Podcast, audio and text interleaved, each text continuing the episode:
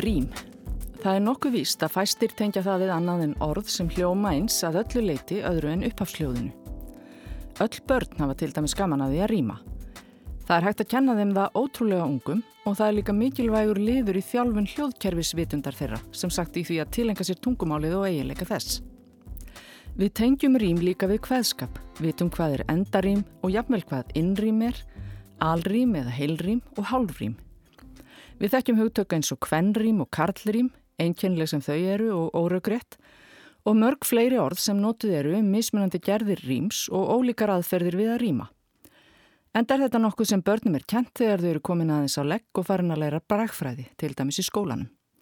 Sögnuna rýma er einmitt dreygin á nafnórðinu rým og raunar líka nafnórðið rýma sem er heiti á heitli grein kveðskapar, söguljóða sem kallast líka oft rýmna kveðskapur. Orðið rým hefur líka aðra merkingu og þótt margir hlustendur kannist eflust við hana eru vísast fleiri sem aldrei hafa heyrt um hana. Og það er raunar svo merking sem við ætlum að ræða aðeins betur í þættinum í dag.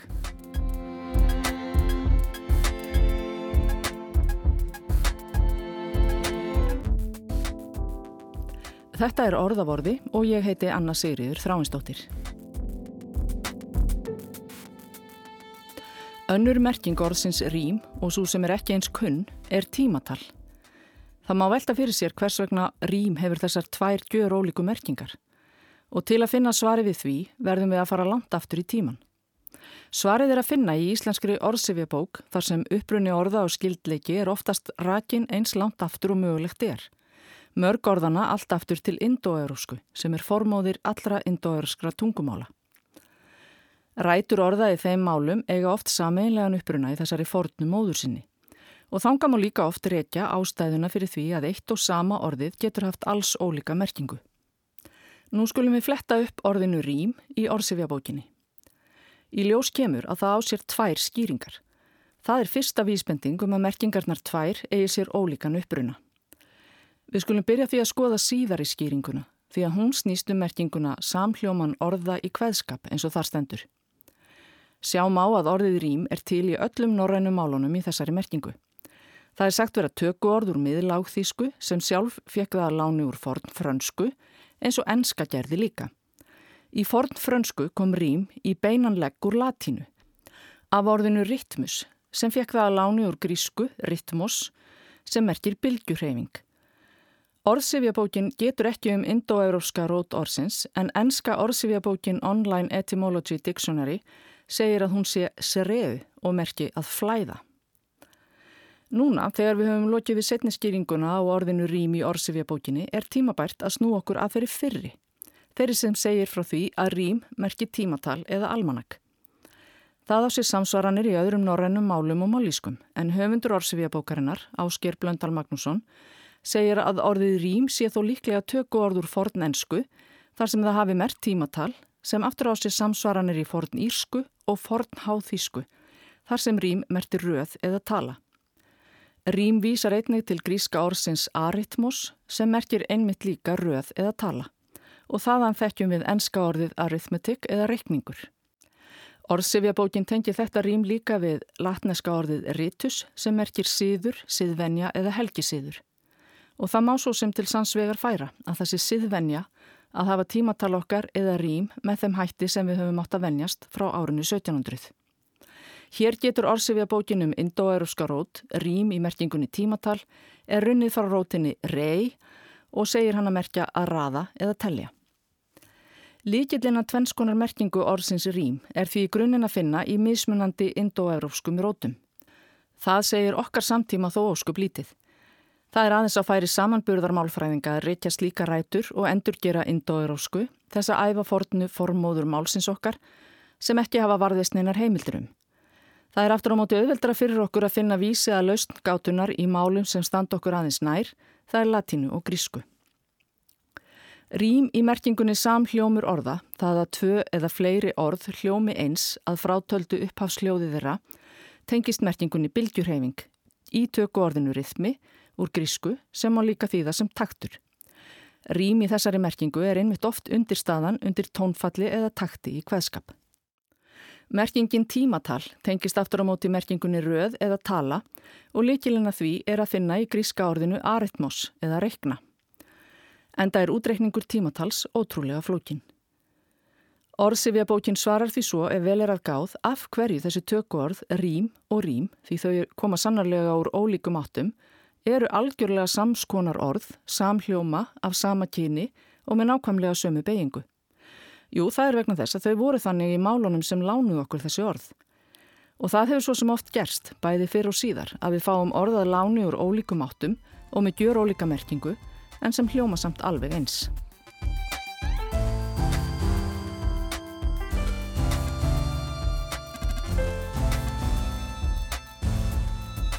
Jæja, nú vitum við að önnur merking orðsins rým er tímatal. Ég ætla ekki að hætta mér út á slóðir þess flókna útreiknings sem fylgir því að finna út hvert rétt tímatali er og leiðrætt allar skekkjur í því. En það má aftur á móti finna ymsan fróðleikum gömul orð og notkun þeirra í umfjöllunum gömul rýmkver sem gaman er að glugga í. Fyrir réttum 110 árum, árið 1913, gaf hið Íslenska þjóðvinafélag út sitt árvisa almanag fyrir árið 1914. En í þetta sinn bar til tíðenda. Árið 1837 hófst prentun íslenskra almanaka og fekk Kaupmannarfnar háskóli einokun á útgáðu þeirra með tilskipun 3. februar 1836. Upp frá því voru almanakinn prentuð í Kaupmannahöfn og finni Magnúsinni profesor var falið að laga almanakið að íslenskum landsháttum og íslensku tímatali. Jón Þorkelsson sem ritt stýrði almanakinu 1914 segir í eftirmála þess að finni hafi farist það ágætlega úr hendi. Jón sér þó einn ókost á danska almanakinu fyrir Ísland. En jafnframt því var þá þegar hlaðið í almanakið við hvern einasta dag á árinu einhverjum útlendingi, manni eða konu sem einhver tíma hefur verið kunnugt um í kristninni en nú vita fáir deili á lengur og því til svo sem einski skaks nýð þekkingarauka að hafa og eins gott án að vera. Í hinnum prentuðu rýmbókum Guðbrands biskups, Þórðar biskups og Jóns biskups Árnasonar er tiltölulega lítið af þessum nafnaþölum, segir Jón. Það er langt síðan mörgum hefur þótt þetta fólk meg að missa sig úr almanakinu og jafn gott að eitthvað annað kem í staðin er verið skemmtilegra og skildara að vita. Um þetta komu meðal annars fram rattir ofinberlega hér síðastliðin vetur og var jafnvel skorað á stjórn þjóðvinnafélagsins að gangast fyrir því að kippa þessu í lag. En sín tökka á að fá þessu breytt voru ekki önnur en þau að almanakið yrði gefið út hér á landi og gengið frá því hér.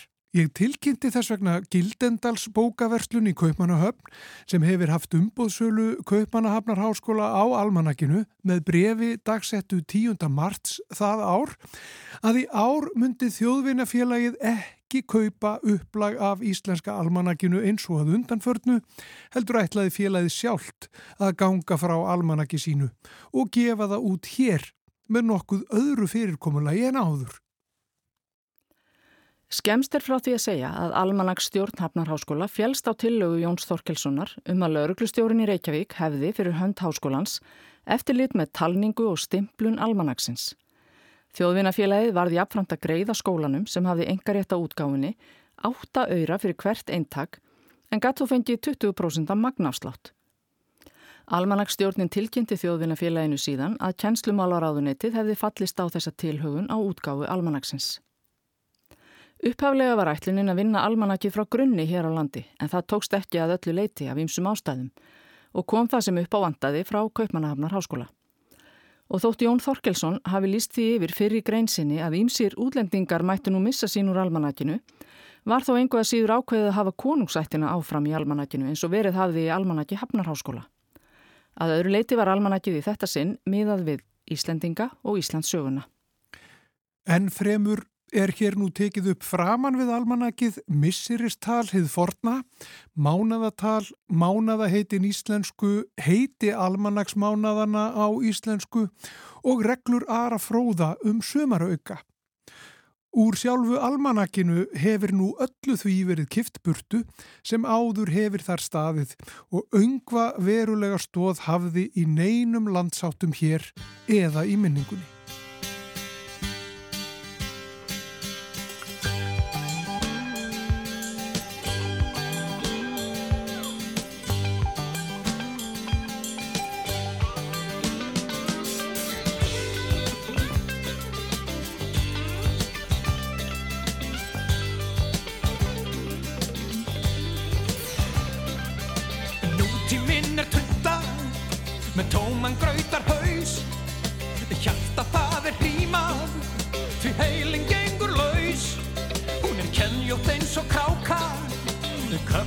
Köflótt efni kjól.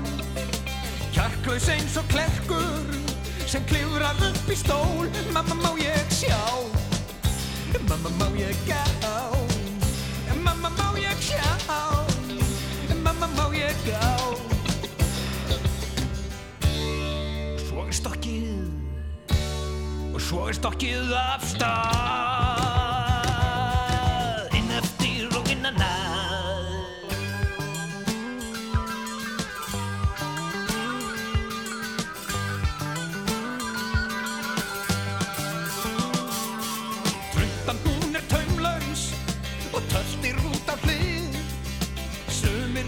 sígan og sjáðu leitt undir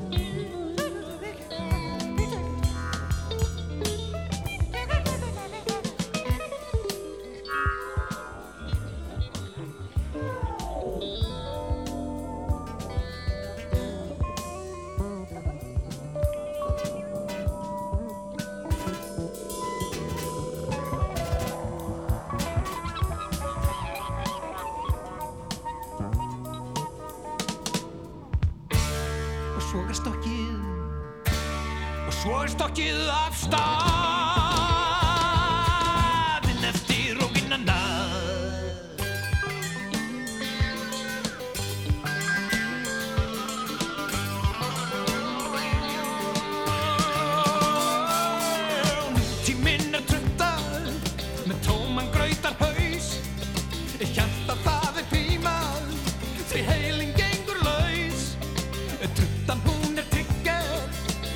naglið aftan á Mamma má ég skoða Mamma má ég sjá Mamma má ég gá Mamma má ég sjá Mamma má ég gá Mamma má ég sjá Mamma má ég gá Mamma má ég sjá Mamma má ég gá Mamma má ég sjá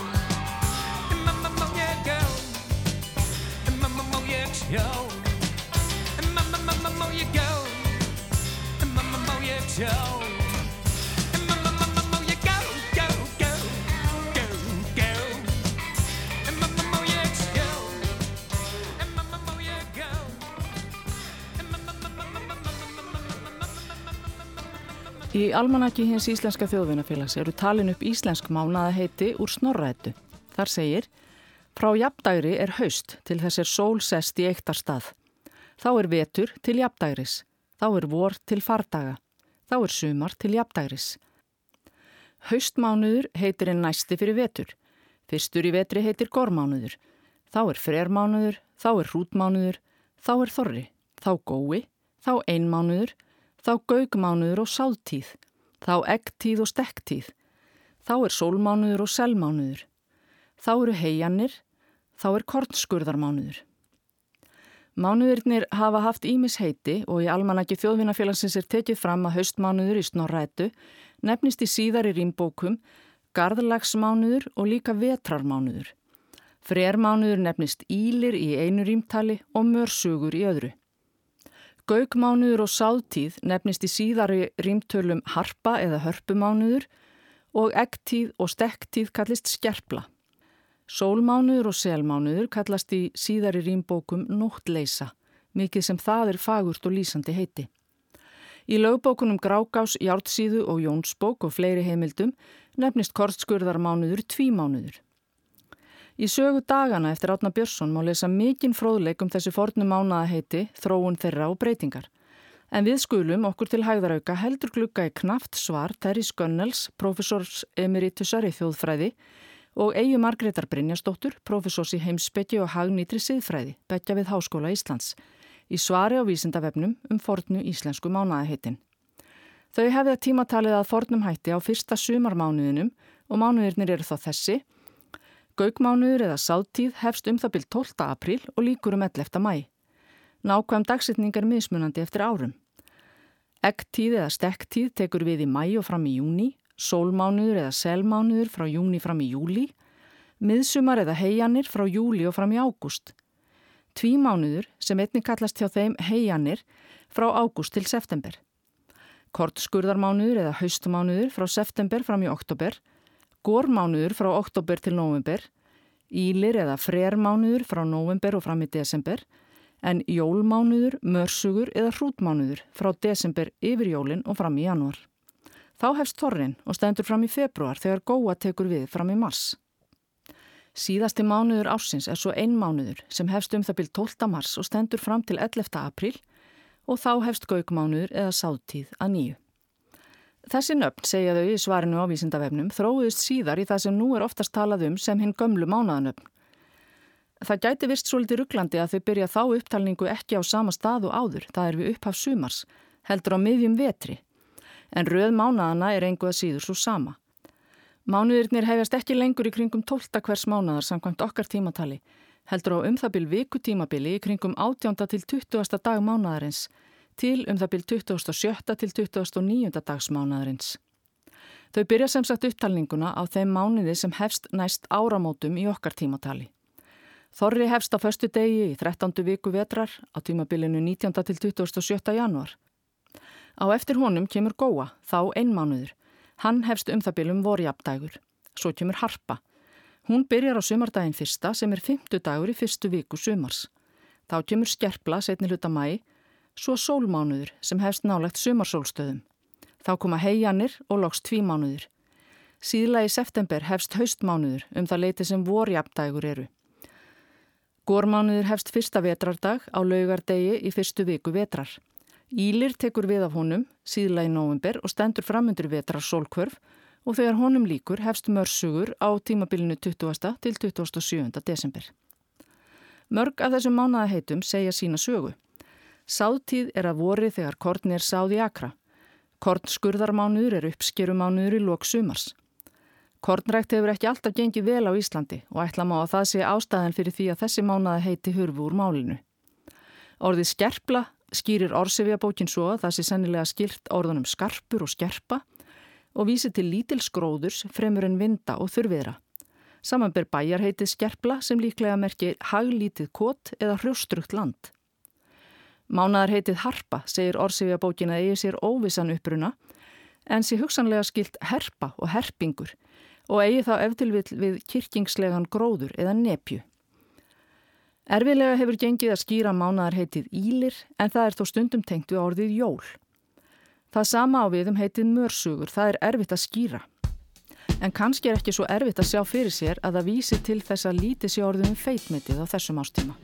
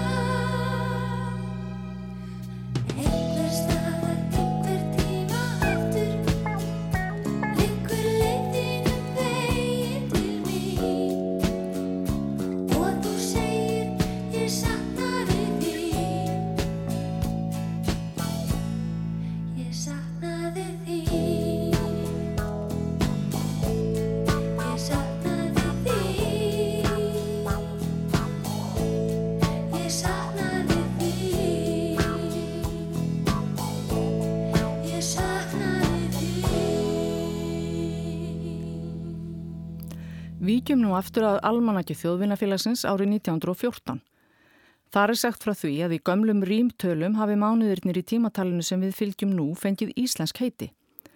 Okkar tímatal kallast gregorianska tímatalið.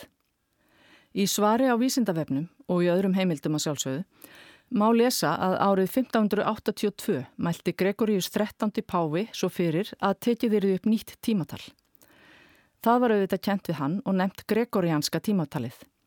Það tók við af júlianska tímatalinu sem kent var við Július Cæsar. Samkvæmt þessu tímatali sem við fylgjum enn hefst nýtt ár 1. janúar. Í handreita pistli á vef átnastofnunar eftir Svanhildi Óskarstóttur, rannsóknarprofessor um Lúsíu má lesa að þegar gregorianska tímatalið var tekið upp hér á landi sem gerist ekki fyrir en árið 1700 hafi verið komin svo mikil skekkja í tímatalið að fella hafi þurft heila tíu daga úr árinu þannig að 23. desember varð 13. desember.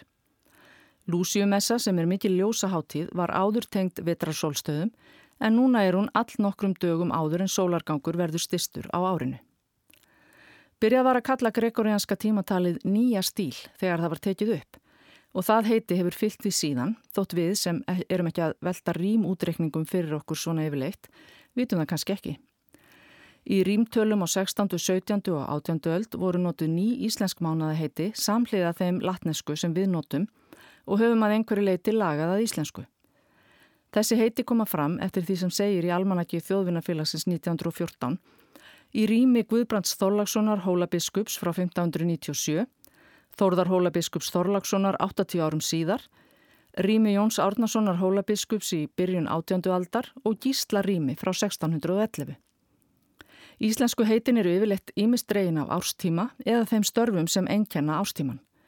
Janúar kallaðist miðsvetrarmánuður, februar var föstugangsmánuður, mars var jafndægrismánuður, april sumarmánuður, enda sumardagurinn fyrsti í þeim mánuði, mæ var fardagamánuður en líka söðburðarmánuður, Júni nóttleisumánuður, júli maðkamánuður. Mér hefur ekki tekist að finna skýringu á því heiti, en hann kallaði steinni miðsumarsmánuður.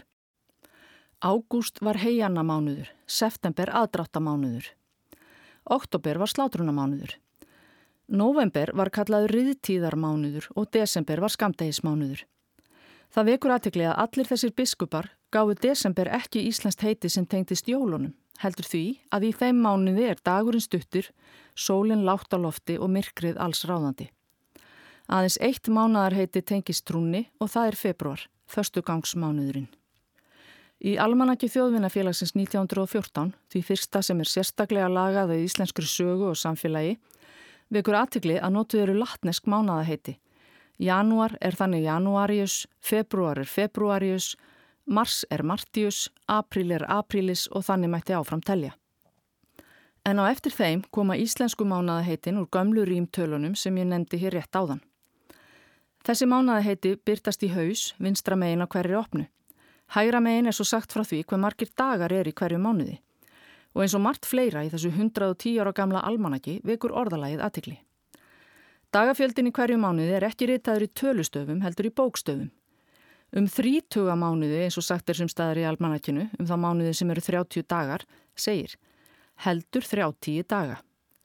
Ekkert undarlegt við það, annað en að nú öll síðar segjum við 30 en ekki 30.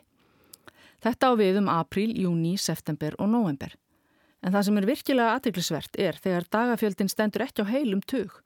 Janúar, mars, mæ, júli og ágúst, oktober og desember halda 1 og 30 daga og februar heldur 8 á 20 daga.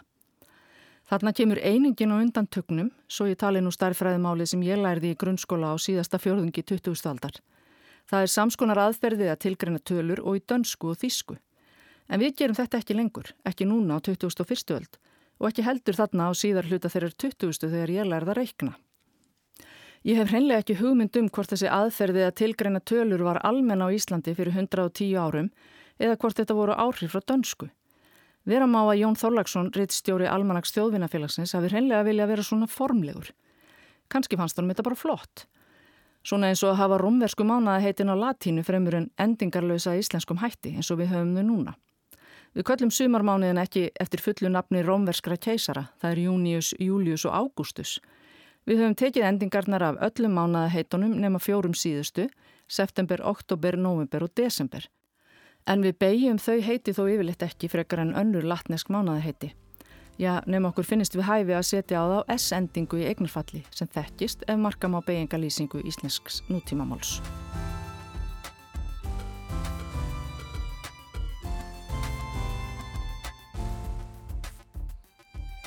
Áður en við segjum skilið við almanak þjóðvinnafélagsins fyrir 110 árum er ástæði til að staldra við eitt. Þar segir að í gömlu íslensku tímatali skildi dagur fyrr koma en nótt alls misseristals.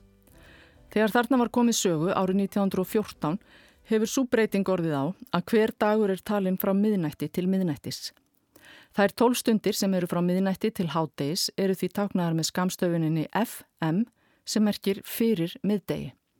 Hínar tólstundirnar í sólarhengnum eru þá taldar frá hátdegi til miðnættis og táknaðar með skamstöfuninni EM sem merkir eftir miðdegi. Ég er nokkuð vissum að ég er ekki svo eina sem rugglast á erlendu tímatalstáknunum AM og PM sem þau ríkinúta sem far eftir 12 tíma kjærfi. Ástæðin fyrir rugglingunum í mér stafar að sjálfsögðu að því að hér förum við eftir 24 tíma kjærfi. Við þurfum þess vegna ekki á þessum erlendu skamstöfunum að halda og raunar ekki heldur íslensku skamstöfununum FM og EM. AM og PM eru byggðar á sama kjærfi. Íslensku skamstafanirnar eru þýðing á þeim. AM og PM eru skamstafanir latnesku orðana ante meridiem sem þýðir fyrir miðdegi og post meridiem sem þýðir eftir miðdegi. Upphaf sólarhengsins er sem sé á miðnetti. Hann er hálnaður um hátdegi, það er 12 tímum síðar og svo lokast ringurinn aftur á miðnetti.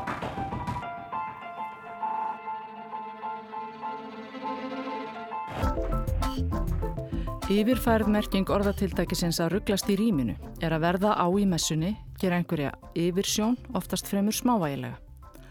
Upphálega merking þess að rugglast í rýminu er að rugglast í dagatalinu. Árið 2024 er hlaupár. Gott er að hafa það í huga þegar árið er skipulagt til þess að rugglast ekki í rýminu. Þú varst að hlusta á orðavorði. Ég heiti Anna Sigriður Þráinsdóttir. Við heyrðum lægið Nútíminn eftir Sigurd Bjólu og Egil Ólafsson í flutningi Þursaflokksins og Mannakorn fluttu einhver staðar einhver tíman aftur eftir Magnús Eiríksson. Lesari var Guðmundur Pálsson og Úlhildur Eisteinsdóttir stjórnaði upptökunni. Verðið sæl.